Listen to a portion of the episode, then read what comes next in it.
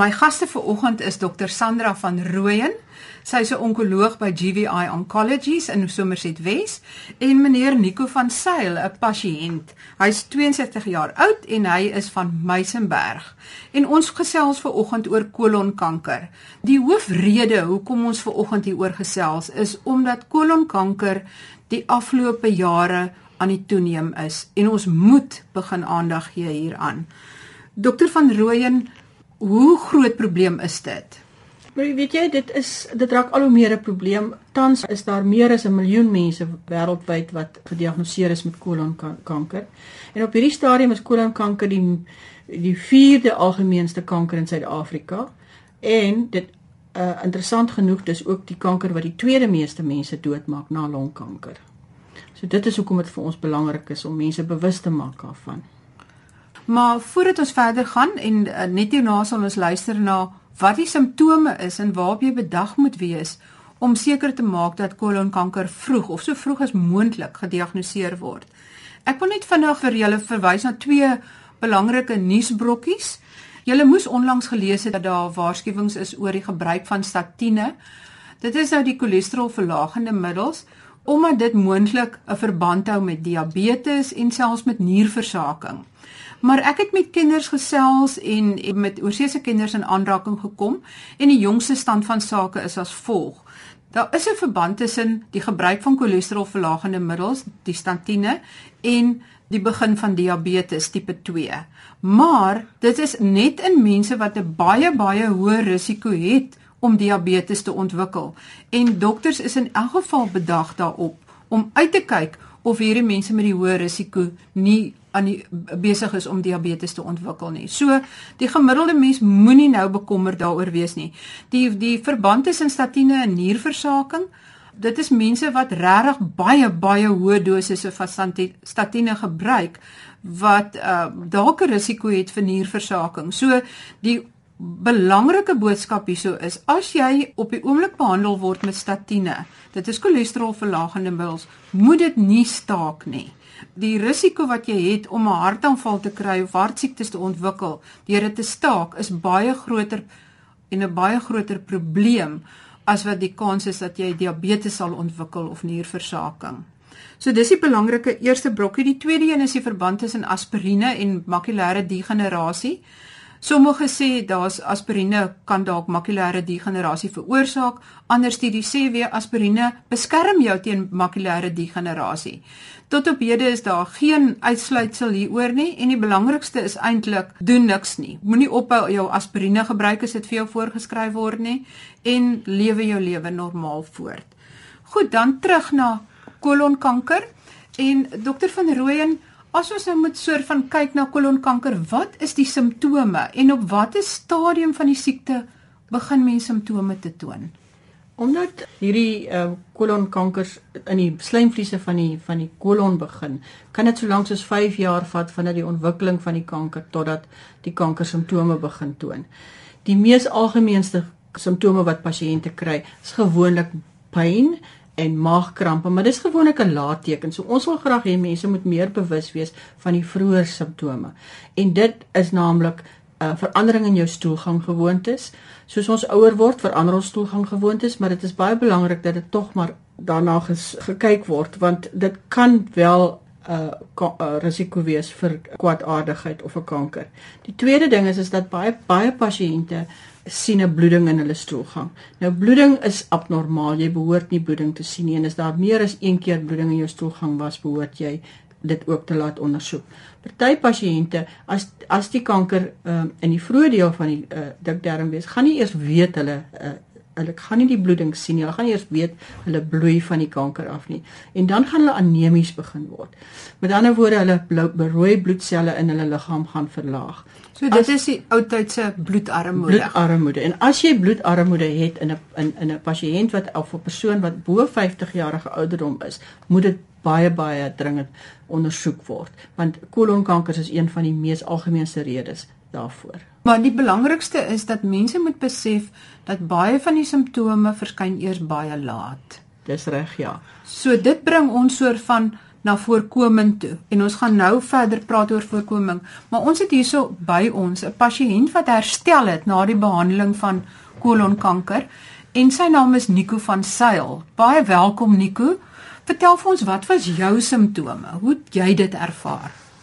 Uh die simptome wat ek gehad het was 'n uh, uh, baie erge maagkrampe en uh, waarmee ek uh, gesukkel het vir 2 weke voordat ek na my dokter toe gegaan het en uh, hy het eers medikasie voorgeskryf vir 5 dae wat toe nie gewerk het nie en toe ek vir 'n kolonoskopie uh waar dit toe aangetref het dat ek wel kanker het van die kolon.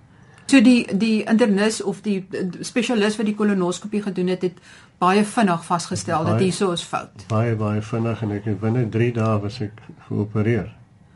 En daarna natuurlik die die terapie. En in watter stadium was dit al gevorder of was dit aan die begin gewees wat wat hulle dit toe opgespoor het? Dit was redelik aan die begin. Dit dit was dan nie te ver gevorder nie. So jy was eintlik een van die gelukkige ja, mense wat dit nie te laat opgespoor het nie. Dokter van Rooyen, omdat die simptome dan so laat eers verskyn of die weet soos soos u ook gesê het, baie van die mense kom eers aan die dokter toe wanneer hulle eintlik al 'n obstruksie in die darmkanaal het as gevolg van hoe groot die die kankergewas al reeds is nie en dat dit dikwels amper die eerste simptome waarvan hulle bewus raak, word dit baie duidelik dat voorkoming of vroeë opsporing die belangrikste sleutel tot die behandeling of die bestuur van kolonkanker is. Kan jy bietjie vir ons sê wat se soort uh siftingsmaatreëls daar moontlik is of wat mens kan doen? Weet jy, ek dink daar's ongeveer so 5% van mense waar daar 'n baie duidelike genetiese familiegeskiedenis is. En in daai 5% van mense is dit baie belangrik dat ons dit baie vroeg kan optel. Ehm um, daar is uh, byvoorbeeld 'n siekte met die naam van 'n uh, familiale ad adenomatese uh, poliepe en in daardie geval kan uh, mense op die ouderdom van 35 al hulle kolonkanker ontwikkel. So vir daardie groep pasiënte is dit baie belangrik dat mense hulle al baie vroeg selfs in hulle tienerjare begin ondersoek. Die die luisteraar gaan nie noodwendig weet dat sy familielid aan hierdie soort kanker kolonkanker dood is nie. Is dit dan mense wat wie se ouers of 'n broer of 'n suster of 'n pa en ma, is dit absoluut 'n naby familie wat dit dan ook gehad het. Dis korrek. En en en op hierdie stadium is die aanbeveling dat as jy een familielid het wat onder die ouderdom van 60 'n uh, uh, kolonkanker gehad het, behoort jy jouself te laat ondersoek van die ouderdom van 40 af. Of as jy twee familielede gehad het wat ouer as 60 was toe hulle kolonkanker gehad het, behoort jy ook al van die ouderdom van 40 af jouself te laat ondersoek. Die meeste van die pasiënte is egter nie familieel nie en dit is ook belangrik dat daardie pasiënte dat ons almal eintlik van die ouderdom van 50 af daaraan moet dink om kolonoskopies te laat doen van tyd tot tyd. Dit is ongelukkig vir die meeste mense is dit uh, is dit 'n snaakse ding om te laat doen. Hulle voel ongemaklik, maar dit is werklik nie nie so groot probleem soos wat mense dink nie en dit dit kan werklik die kanker vroeg optel en ons kan nie en en dan is die kanse vir genesing 100%. Ek wil net weer saamvat. Met ander woorde, as jy 'n familielid het wat ouer as 60 was toe hy dit die eerste keer gekry het, dan moet jy op 50 jarige ouderdom begin met jou kolonoskopie elke 5 jaar gaan. Dis reg. As jy 'n familie meer as een familielid gehad het wat dit gekry het en hulle was oor die ouderdom van 60, 60 dan moet hulle op 40 al gaan begin en gereeld. En as hulle 'n familielid of meer as een familielid gehad het wat jonger as 50 was toe hulle dit die eerste keer gekry het, dan moet hulle van 40 af dit laat ondersoek en dan selfs elke 3 tot elke 3 jaar. Daar is ook DNA toetse wat jy kan vasstel of jy een van hierdie genetiese kolonkanker tipes het. Of van watter ouderdom af kan mens toets of mens geneties 'n risiko het om kolonkanker te kry. Ehm um, as daar 'n baie sterk familiegeskiedenis is veral vir hierdie familiale adenomatiese poliepe dan word dit, dit selfs op in die tieners en selfs in kinders van die ouderdom van 12 getoets en kolonoskopies van daardie ouderdom af al gedoen as as dit wel die geval is. Is mense bewus genoeg van uh, die gevare en dat hulle moet gaan vir toetsing?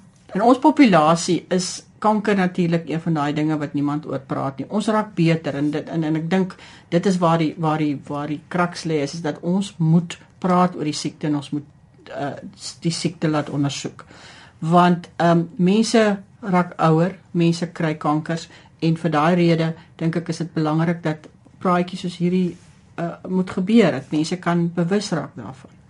Daar is ehm um, mense vra altyd nou maar wat van skanderings is daar nie uh, is RT skanderings of MRI skanderings wat wat ons kan gebruik om dit op te tel, maar dit is soveel makliker as om om 'n kolonoskopie te laat doen. Op hierdie stadium bly die kolonoskopie nog die belangrikste ondersoek.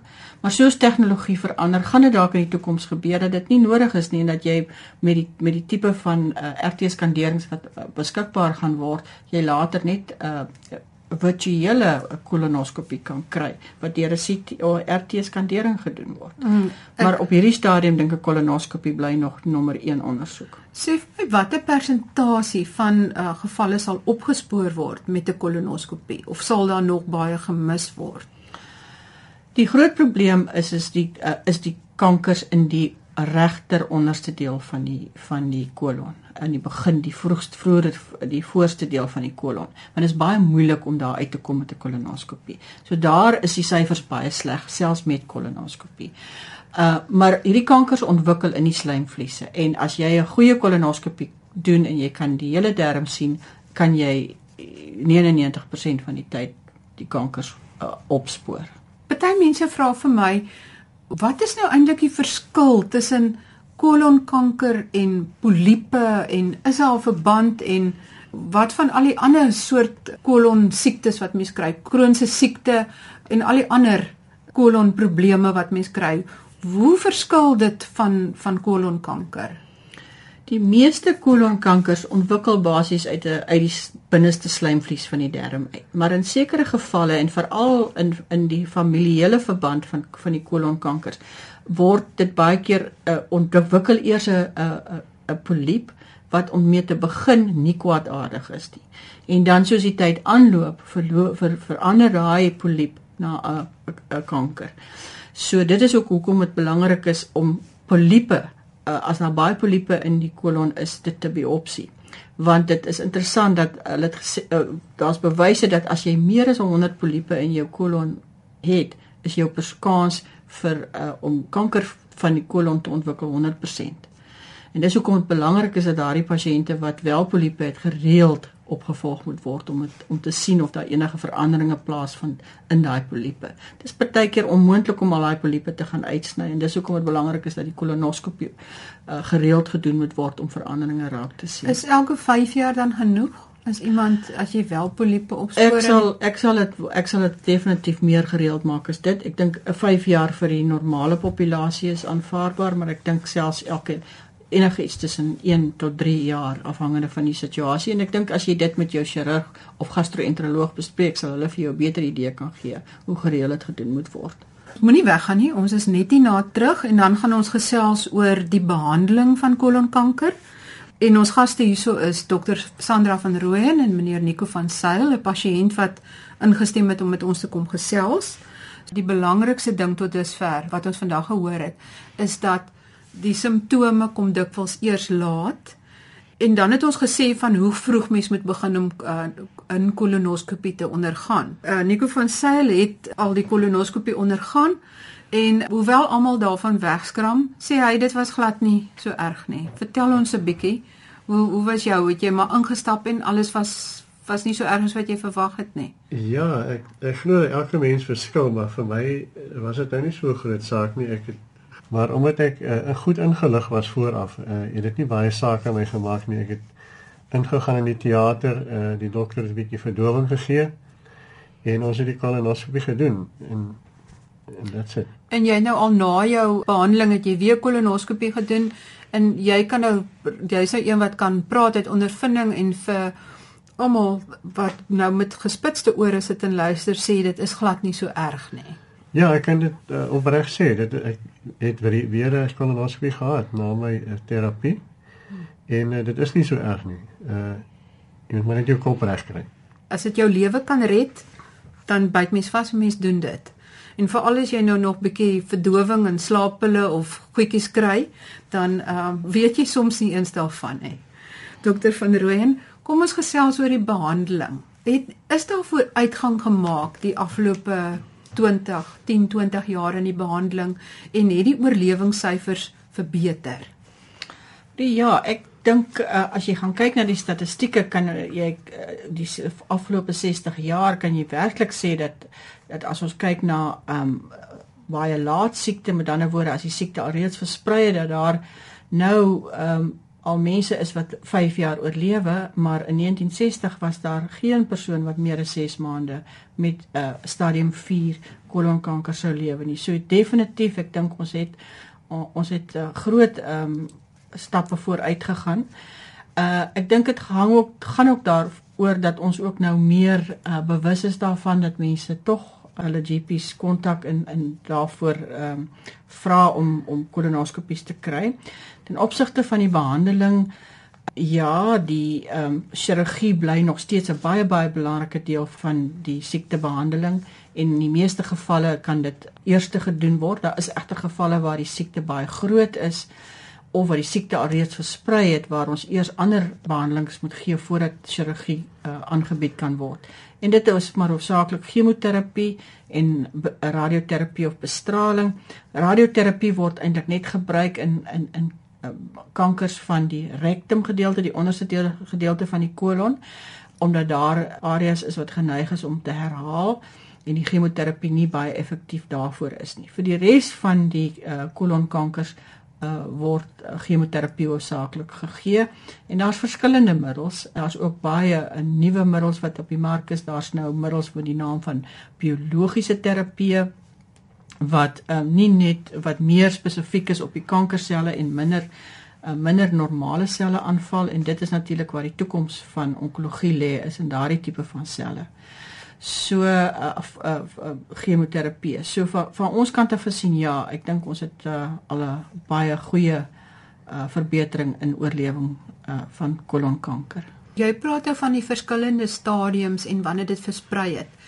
Hoe klassifiseer mens kolonkanker? Stadium 1, 2, 3, 4. Eh, kan jy vinnig sê wat dit ja, beteken? Natuurlik. Stadium 4 is wanneer die siekte alreeds versprei het uit die oorspronklike area waar die kanker was. Met ander woorde, dit is buitekant die kolon en dis buitekant die kliere. So dit is uh, miskien al in die lewer of in die, die blaas of of baie baie lief om na die lewer en na die longe toe te gaan. Dis die twee algemeenste uh, plekke waarheen dit versprei van die kolon. Die ander 3 uh uh, stadiums hou verband met uh, hoe groot die tumor is en of daar al reeds kliere aangetast is of nie. In stadium 1 en 2 is daar gewoonlik nie kliere aangetast nie. Wat interessant is van hierdie kankers gewoonlik die eerste plek waarheen hulle versprei as hulle uit die kolon uit versprei is na die kliere rondom die kolon. En gewoonlik as die chirurge dan die chirurgie doen en die kolonkanker uitsny, haal hulle ook vir ons 'n klomp van die kliere uit wat dan vir ons kan sê of daar alreeds siekte daar is. As daar alreeds siekte daar is, dan beteken dit dat daar 'n baie hoë risiko is vir herhalings ten spyte van die feit dat die kanker heeltemal uitgesny is. En in daardie pasiënte moet hulle almal dan nou voorkomende behandeling kry in die vorm van chemoterapie. In stadium 3 is die kliere alreeds aangetas en uh, dan is dit baie belangrik vir behandeling. So die chemoterapie is nie eintlik vir die kolonkanker wat in die kolon self is nie, maar eintlik vir die omliggende organe wat dalk aangetast kan ja. wees. Want as uh, um, studies het gewys dat as jy 'n uh, uh, kolonkanker het wat alreeds na die kliere toe versprei het en daar's 'n hele klomp kliere wat aangetast is, dan is jou risiko vir die kanse dat hierdie ding gaan herhaal en en, en veral na die longe en die lewer toe sprei, is hier by 50%. En vir daardie rede moet die pasiënte dan nog 'n behandeling kry om daardie moontlikheid van mikroskopiese siekte wat iewers in die liggaam lê dood te maak. So julle maak, julle probeer so seker as moontlik maak dat daar geen selle is wat vrygekom het en wat die chemoterapie of die behandeling ontsnap nie. Dis korrek. Ek meen natuurlik uh, ongelukkig is dit so dat chemoterapie net 'n effek het op selle wat besig is om te groei en te verdeel. As daar 'n kankersel is wat daar rond lê en wat nie uh, verdeel nie in uh, inslapend is, gaan 'n mens gaan jy die chemoterapie hierdie middel um, of hierdie middels gaan nie die kank, uh, kanker doodmaak nie en dan kan dit weer herhaal. So dis hoekom ongelukkig dit so is dat as ons praat van stadium 3 siekte sê ons dat ons dit waarskynlik van 50% kans van herhaling af kan ons dit opstoot na hier by 90%, 85, 90%, maar ons kan nooit sê 100% met sekerheid sê dat ons hierdie uh, stadium 3 kanker sal uh, ook um, genees en en hy sal nooit terugkom nie. En dit is hoekom ek dan nou weer wil terugkom net na die na die vroeë siekte toe en dit is dat ons dit is vreeslik belangrik dat ons dit moet vroeg optel. So die die hoe vroeër hoe beter is die kans op op uh, sukses en 'n goeie oorlewing. Sê my as jy nou die eerste die chirurgie doen. As dit nou stadium 1 of 2 is, sny jy net die poliepe uit of sny jy stukkies van die dikdarm uit of hoe werk dit? Ehm um, ek is nie 'n chirurg nie, maar maar basies waarop dit neerkom is is dat as jy 'n poliep sien, ek, ek, is dit belangrik dat jy dat in baie gevalle as jy 'n biopsie geneem het en dit is kwaadaardig, dat jy nie net die poliep moet uitsny nie, maar dat jy 'n gedeelte van die kolon rondom die poliep moet uitsny. Die rede daarvoor is is dat kanker het sy naam gekry van die woord cancerian af.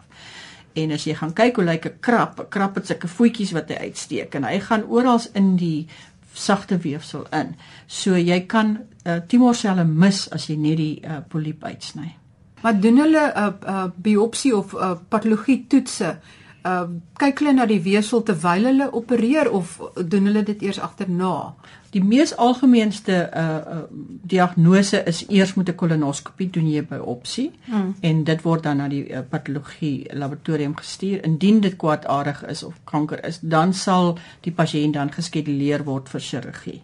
Nou uh baie keer in die geval van ehm um, die uh, operasie sal die, is daar altyd 'n patoloog in teater saam met die chirurg en word daar dadelik na 'n deel van die monster gekyk om seker te maak dat die dat die siekte volledig uitgesny is en dan word dit later verder ondersoek en uh, kleurings gedoen om spesifiek uit te vind ehm um, hoeveel kliere aangetast is uh, en hoe diep die die siekte infiltreer het. Ja, die chemoterapie deel kan ek nou nie dink dat dit baie aangenaam is nie. Meneer van Sail, hoe jy dit ervaar? Want jy is nou 'n jaar, bietjie meer as 'n jaar gelede gediagnoseer. Toe jy deur lang chemoterapie gegaan en nou blyk jy vir my heeltemal fris en gesond soos wat ons hier sit en gesels. Maar watse wenke kan jy gee as jy as jy dalk vir iemand kan help om makliker deure te gaan? Jy weet ek sal sê ehm um, 'n mens moet baie rus. Maar in dieselfde tyd ook moet jy nie net in die bed bly nie. Jy moet 'n bietjie kan stap. Ek het byvoorbeeld uh opgestaan om my maaltye te gaan nuttig. Maar ja, rus is 'n baie groot ding en dit help om daardie tamheid in jou liggaam uh, te breek as ek dit so mag stel. Ja, en jy sê jy moet jou kop ook reg, jy moet positief probeer recht, bly. Ja, al die pad. Ja, en en en ehm um, kosse was daar spesiale spesifieke kosse wat jy meer van moes eet omdat jy dalk tekorte ontwikkel het of so? Ek het byvoorbeeld uh begin piesangs eet uh, omdat my potassium baie laag was en uh, dit het in 'n mate gehelp en ek het uh, ook weggebly van uh, geprosesseerde kosse af. Nou nog, ek het ek sny dit heeltemal uit my dieet uit. En natuurlik gaskoeldranke. Dit uh probeer 'n meer gesonde lewe lei deur reg te eet. Ja. Dit is ook 'n groot hulp. Dit is baie interessant. Ek, ons kom nou amper weer terug na die gesprek aan die heel aan die begin is van kolonkanker is aan die toeneem. Mense vra waarom is dit aan die toeneem? Weet, is dit het dit te doen met ons leefstyl? Ja, ehm um, weet jy as jy net gaan kyk waar kolonkankers voorkom, dan is dit nogal interessant dat kolonkankers veral meer algemeen is in die westerse wêreld as in die ooste. En die enigste verskil wat ons werklik uh, kan sien behalwe natuurlik nou die geneties, maar dat mense verskillend eet.